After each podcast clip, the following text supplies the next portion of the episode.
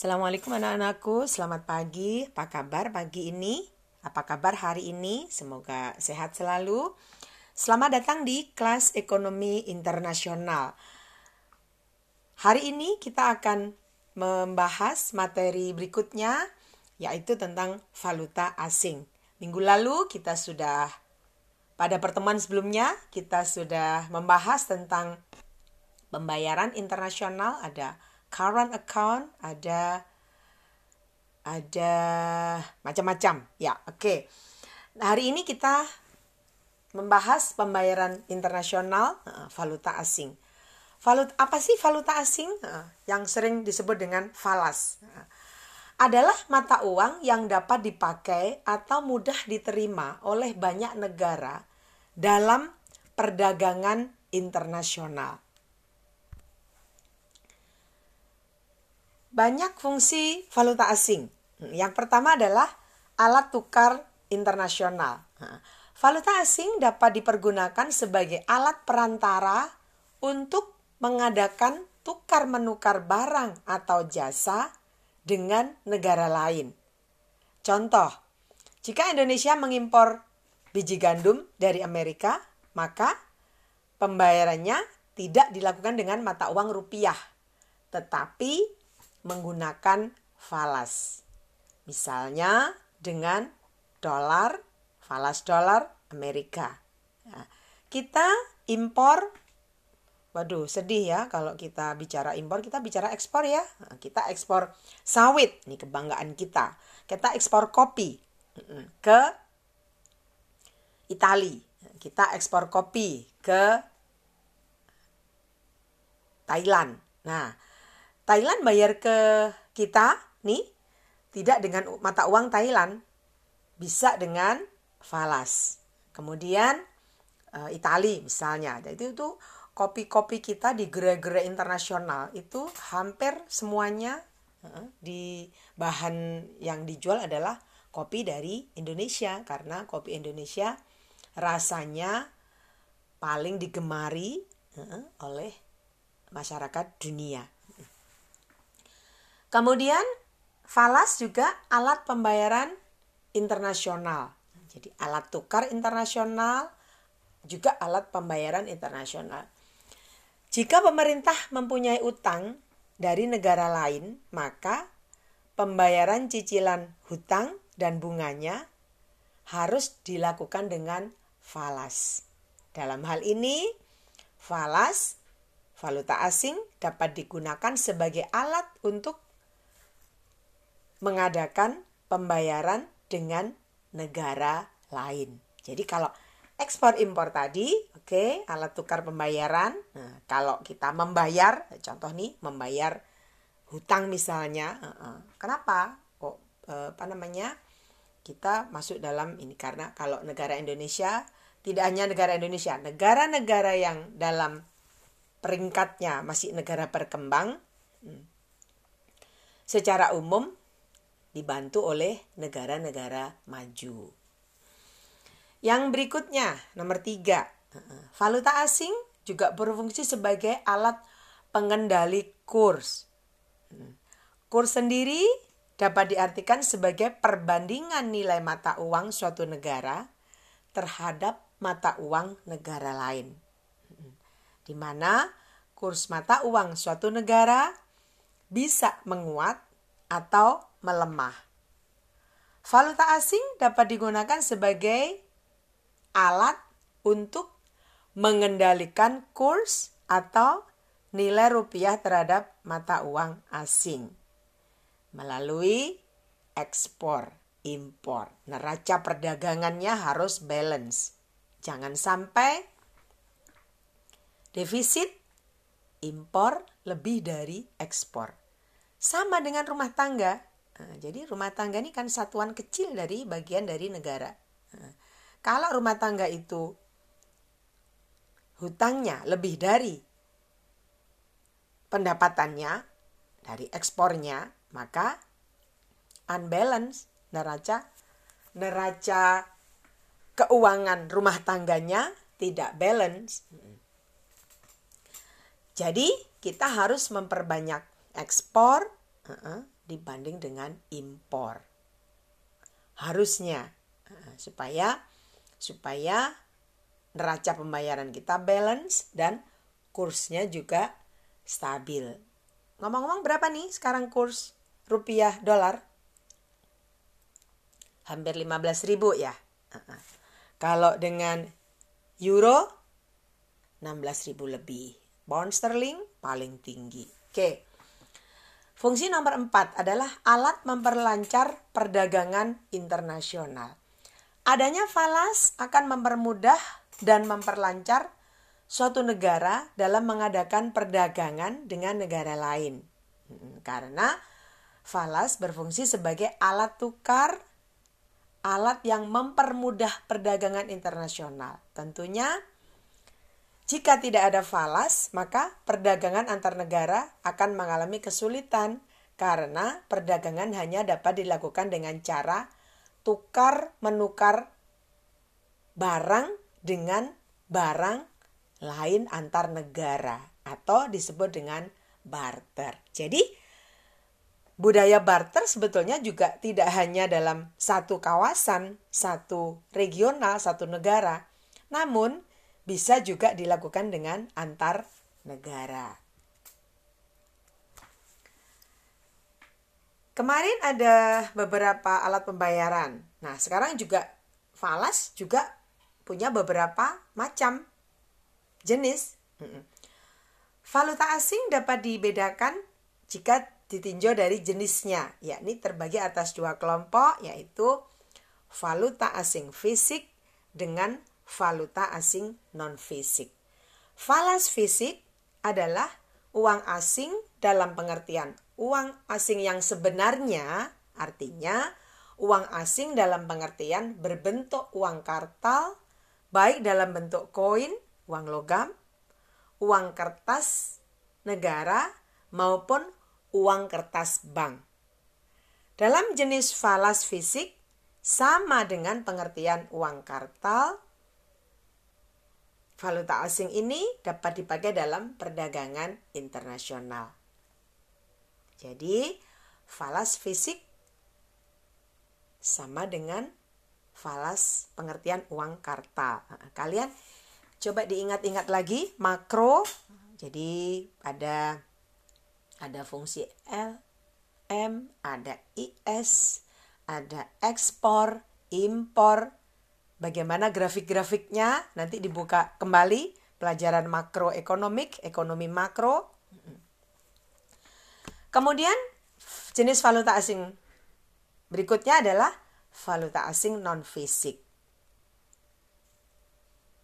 Valuta asing ini dalam bentuk surat-surat berharga atau uang giral seperti dalam bentuk wesel, cek, traveler, travelers, kemudian check, kemudian international money order dan lain-lain.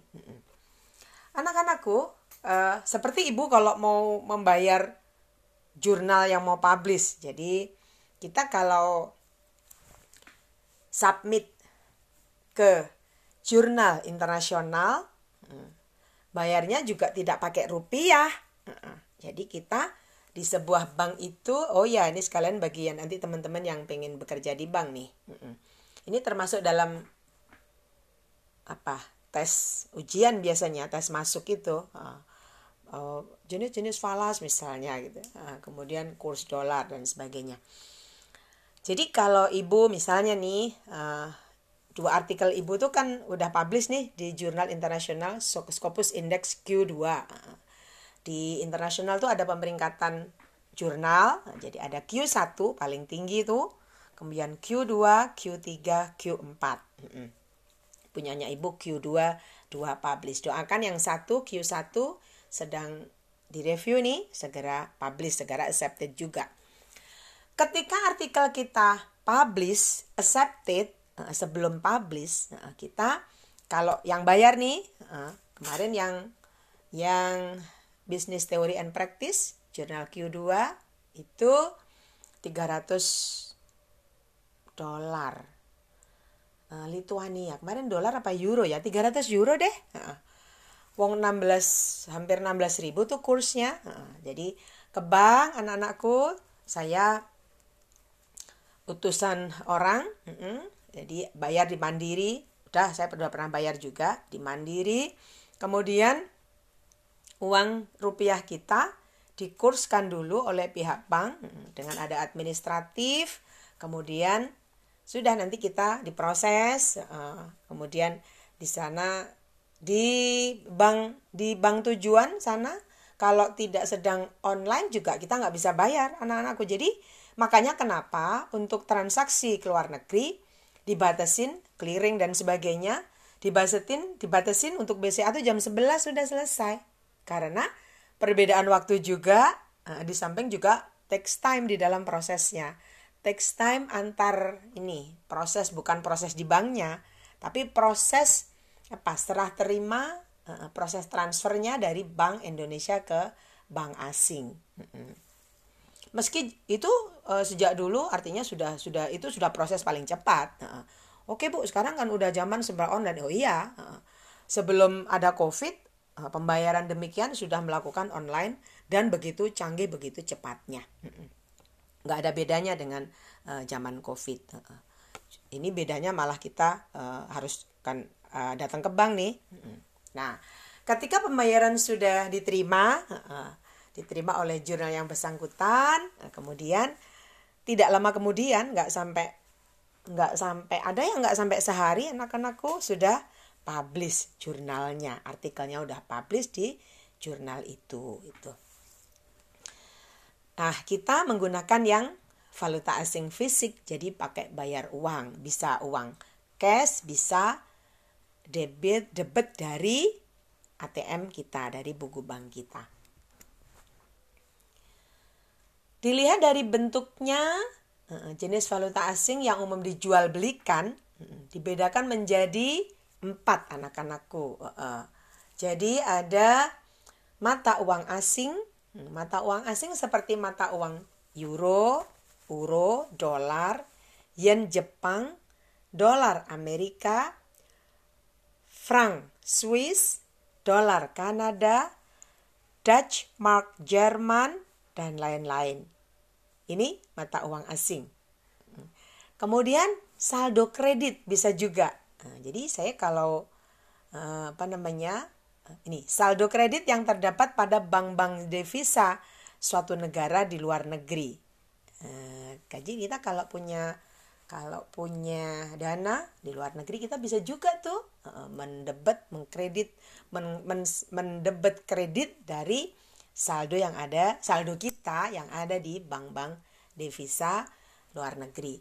Kemudian surat-surat wesel luar negeri Surat-surat wesel luar negeri ini dapat kita ketahui dengan contoh seperti berikut. Ada seorang eksportir Indonesia menarik wesel atas importir dari negara lain. Nah, ini bisa juga. Kemudian hak-hak penerimaan pembayaran, hak-hak penerimaan pembayaran dari penduduk negara dalam bentuk yang berbeda dengan tingkat likuiditas yang terbilang tinggi. Nah, kalau kita memiliki saldo, sama juga anak-anakku kalau kita memiliki saldo kita saldo kita positif besar, artinya tuh likuiditas tinggi, apa? Liquid mudah cair. Tapi kalau saldo kita sama dengan kita ini, kalau kita mau ke ATM nih, kalau mau mau narik uang cash misalnya. Kalau kita ATM kita isinya cukup banyak kita tuh nggak usah noleh-noleh kan jadi pede aja tuh masuk tarik gitu kan sebaliknya nih kalau pas ATM kita juga saldonya tidak terlalu besar atau sangatlah menipis itu sangat tidak liquid maka kita mesti cek saldo dulu deh dengan ya kan nah, moga-moga kita nanti ke depan kita tidak bermasalah di dalam likuiditas ya anak-anakku. Semua anak-anakku ibu doakan hidup makmur sejahtera dan high liquidity. ATM-nya tidak ragu kalau kita mau masuk ke ATM. Oke. Sekarang tadi dengar kita ada kata kurs ya. Apa sih kurs itu? Adalah adalah perbandingan nilai harga antara dua mata uang yang berbeda. Kurs rupiah kita dengan dolar berapa anak-anakku?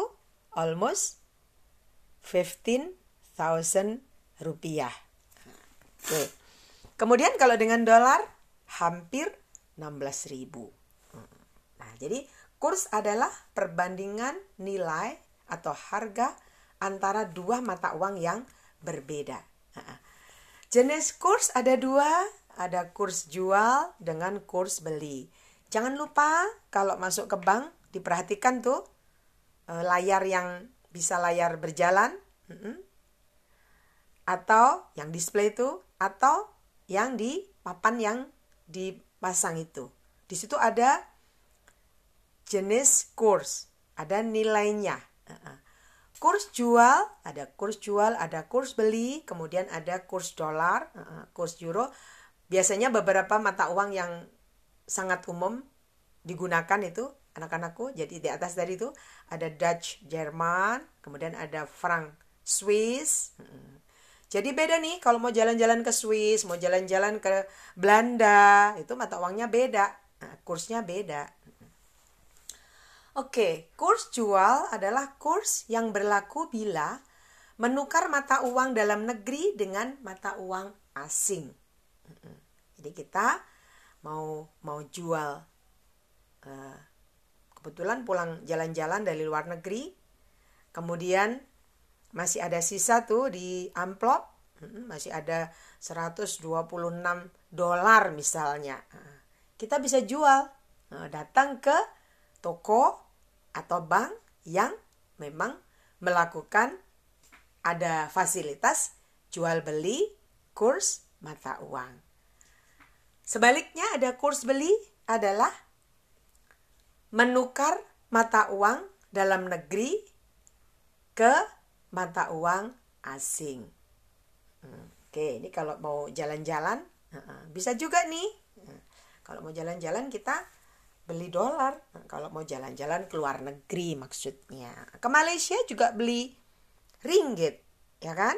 Karena uh, di sana pakai uang ringgit. Tapi di Malaysia beberapa toko udah udah uh, bisa nih dengan menggunakan kurs dengan menggunakan rupiah. Kemudian bahkan ada nih uh, waktu saya ke Malaysia 2000 berapa tuh? 18 ya. Uh, itu Nah, kebetulan saya dapat hotel di mana lantai dasarnya itu mall. Nah, di mall kan pasti ada food court. Nyoba tuh ke food court.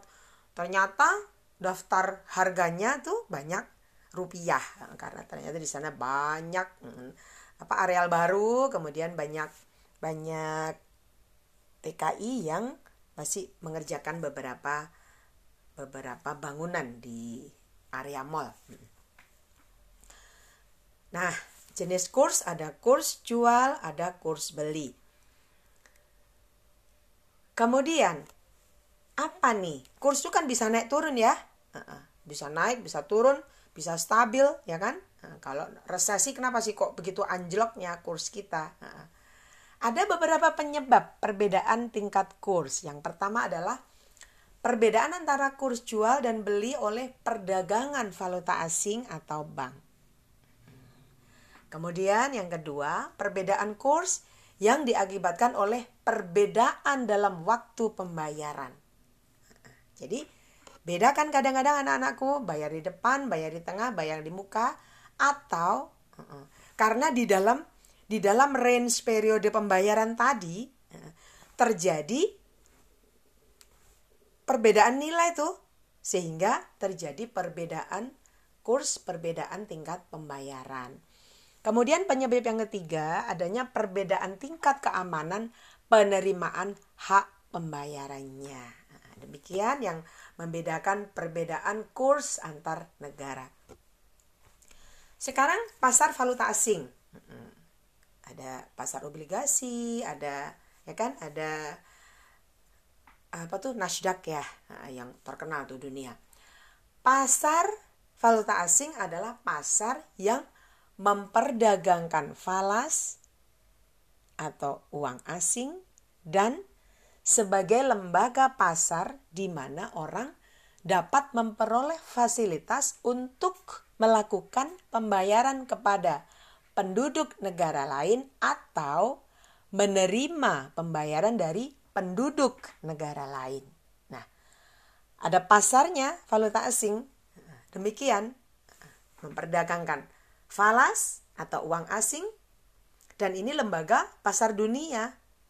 Jadi orang bisa melakukan pembayaran, menerima, jual beli falas.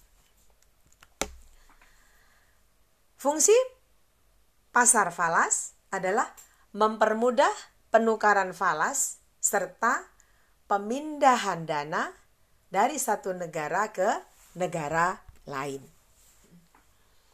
Fungsi yang kedua, mempermudah pelaksanaan perjanjian kontrak jual beli dengan kredit pada transaksi internasional. Dan yang ketiga, memungkinkan dilakukannya hedging strategi strategi trading untuk membatasi atau melindungi dana trader dari fluktuasi nilai tukar mata uang yang tidak menguntungkan. Hedging memberi kesempatan bagi trader untuk melindungi diri dari kemudian dari kemungkinan rugi atau loss. Losses. Meski ia tengah melakukan transaksi yaitu dengan cara memperkecil risiko merugi ketika pergerakan nilai tukar mata uang asing tidak memungkinkan trader meraih profit. Wah, ini sudah sudah skill tersendiri nih di dalam perdagangan falas. Keburukan falas, adanya perubahan kurs mendorong spekulasi, ya kan? Nah, kalian mesti kalau lihat di tuh di di layar kaca tuh pasar falas, maka trader di depan komputer layar komputer terus tuh tidak lepas handphone juga karena spekulasi karena adanya spekulasi perubahan kurs dari detik ke detik selalu berubah. Kemudian yang kedua, menimbulkan inflasi. Yang ketiga, jika negara sedang resesi, mendorong kebijakan devaluasi. Ini sambil anak-anakku dibuka kembali makroekonominya, karena ini basicnya adalah makro. Jangan lupa untuk uh, mempelajari seksama lebih dalam lagi. Uh, kalau kurang paham mungkin bisa diulang uh, kembali materi ini didengarkan lagi.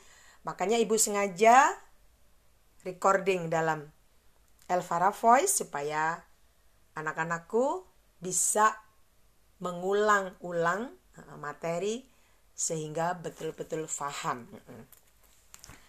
Kita sudah hampir 30 menit anak-anakku. Materi ini kita akhiri, nanti kita lanjutkan pada pertemuan berikutnya. Jangan lupa tetap berdoa terus dan bersyukur. Jangan lupa juga tidak lepas masker kalian. Begitu keluar rumah harus pakai dan sekarang sudah pakai masker standar ya. Karena uh, pakai masker yang biasa uh, yang tidak standar tidak signifikan secara statistik. Artinya kalian pakai masker tapi sebetulnya sama aja tuh tidak pakai masker. Oke baik. Sampai ketemu di materi-materi selanjutnya. Dan minggu depan kita akan teruskan membahas tentang persiapan praktikum kita, tentang praktikum kita. Wassalamualaikum warahmatullahi wabarakatuh. Sampai ketemu minggu depan.